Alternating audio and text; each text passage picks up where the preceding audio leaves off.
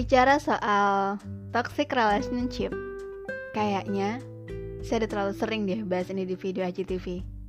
Jadi ya udah, mari kita bahas di sini. Dari dulu, dari masih zaman sekolah, saya selalu punya temen yang tiap ada masalah sama pacarnya, dia pasti curhat ke saya. Seringnya, kalimat yang dia ucapin sampai membuat saya hafal luar kepala. Kayak, da, dia tuh gak suka gue deket sama cowok lain, tapi dia bisa bebas ngegodain cewek lain. Atau, da, gue pengen putus aja, tapi dia selalu nahan gue. Dan, da, dia ngeblok semua cowok-cowok yang pernah ngadem gue tanpa sepengetahuan gue. Gue harus gimana ya, da? Kalimat-kalimat yang kalau dia nanya itu ke saya, harusnya dia tahu sih jawaban saya bakal kayak gimana. Tapi seru aja gitu ya merhatiin orang yang kalau terlalu sayang sampai lupa pakai logikanya sendiri. Emang ya, perempuan kalau udah sayang semua pasti diperjuangkan. Iya, bicara soal toxic relationship tuh kayaknya bakal ke mana-mana deh bahasannya. Eh ya, ngomong-ngomong, di sini ada nggak sih dari kalian yang masih suka megang akun media sosial pasangan masing-masing?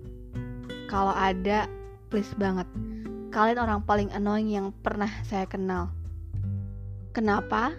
Karena menurut saya, media sosial kayak Instagram, WhatsApp, atau Line itu bentuk privasi yang seharusnya nggak boleh orang lain tahu selain kita, sekalipun pasangan kita sendiri. Karena logikanya nih ya, kalau dia udah berani minta akun sosial media kita, berarti udah ada yang nggak beres dalam hubungan kamu. Buat apa sih ngecekin isi DM pasangan atau chattingan dan pesan yang diarsipin sama dia? Gini ya, dasar pondasi hubungan itu saling percaya, komunikasi dua arah, dan cinta.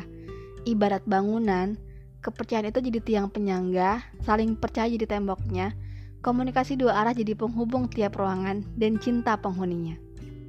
Kalau misalkan tiangnya jadi keropos, udah nggak kokoh, otomatis temboknya juga nggak akan kuat nahan bangunan lagi. Terus jalur penghubung keduanya juga akan terhalang oleh bangunan yang akan mulai roboh itu dan pasti penghuni juga saya rasa nggak akan mungkin betah. Ya masuk kota apa pun kita bertahan dalam bangunan itu pasti adalah kepikiran kayak gini. Apa pindah ke rumah baru aja ya? Jadi mending kamu pergi sebelum nantinya terjebak dalam robohan bangunan itu sendiri. Oh iya saya selalu bilang gini ke teman-teman saya. You deserve more than him. Kenapa saya bilang gitu? Ya karena dari dulu, setiap punya hubungan sama seseorang, saya nggak pernah mau berani ngekang dia atau ngelarang dia berteman sama siapa pun.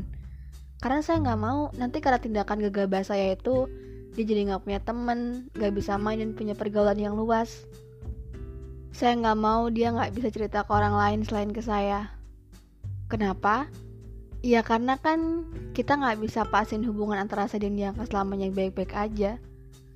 Mungkin saat dia ngerasa ada masalah dalam hubungannya atau masalah pribadinya yang menurut dia nggak bisa diceritain ke saya dia butuh teman cerita yang lain dan dan itu nggak apa-apa. Ya dari dulu juga tiap punya hubungan sama seseorang. Saya nggak pernah ada niat sedikit pun untuk tahu lebih detail tentang akun sosial medianya dia. Karena menurut saya itu punya dia dan hak dia untuk melakukan apa pun di sana. Karena sekeras apa pun usaha saya untuk nahan dia, sekencang apa pun tali yang saya ikati dia, kalau memang selingkuh menjadi niat utamanya, itu bukan salah saya.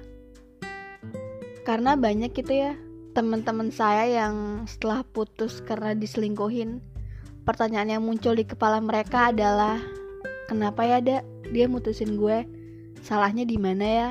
Gue kurang pengertian ya. Ini pasti karena gue terlalu sibuk sama diri gue sendiri ini pasti karena gue sering mudian deh. Saya tuh heran gitu ya sama kita-kita ini. Perempuan maksudnya. Kenapa sih kita tuh selalu musingin hal yang bahkan gak perlu dipusingin? Kayak udah tahu dia yang selingkuh dia yang berbuat salah tapi masih aja kita harus introspeksi diri. Perempuan perempuan. Terus ya biasanya kalau dia kayak gitu tuh mereka sering merasa bersalah karena mereka cuman berjuang sendirian ya emang bener sih. Tapi ya seperti saya bilang di awal tadi kalau dasar pondasi hubungan itu sama kayak dasar pondasi bangunan. Kalau kamu ngerasa cuman kamu aja yang mempertahankan bangunan supaya nggak roboh tapi dia malah berleha-leha mending tinggalin deh. Cari pasangan itu yang mau beriring bukan menggiring. Semakin lama kamu terjebak dalam jurang yang dia buat maka akan semakin lama juga kamu sembuh dari sakit hatinya. Udah ya stop bergantung sama dia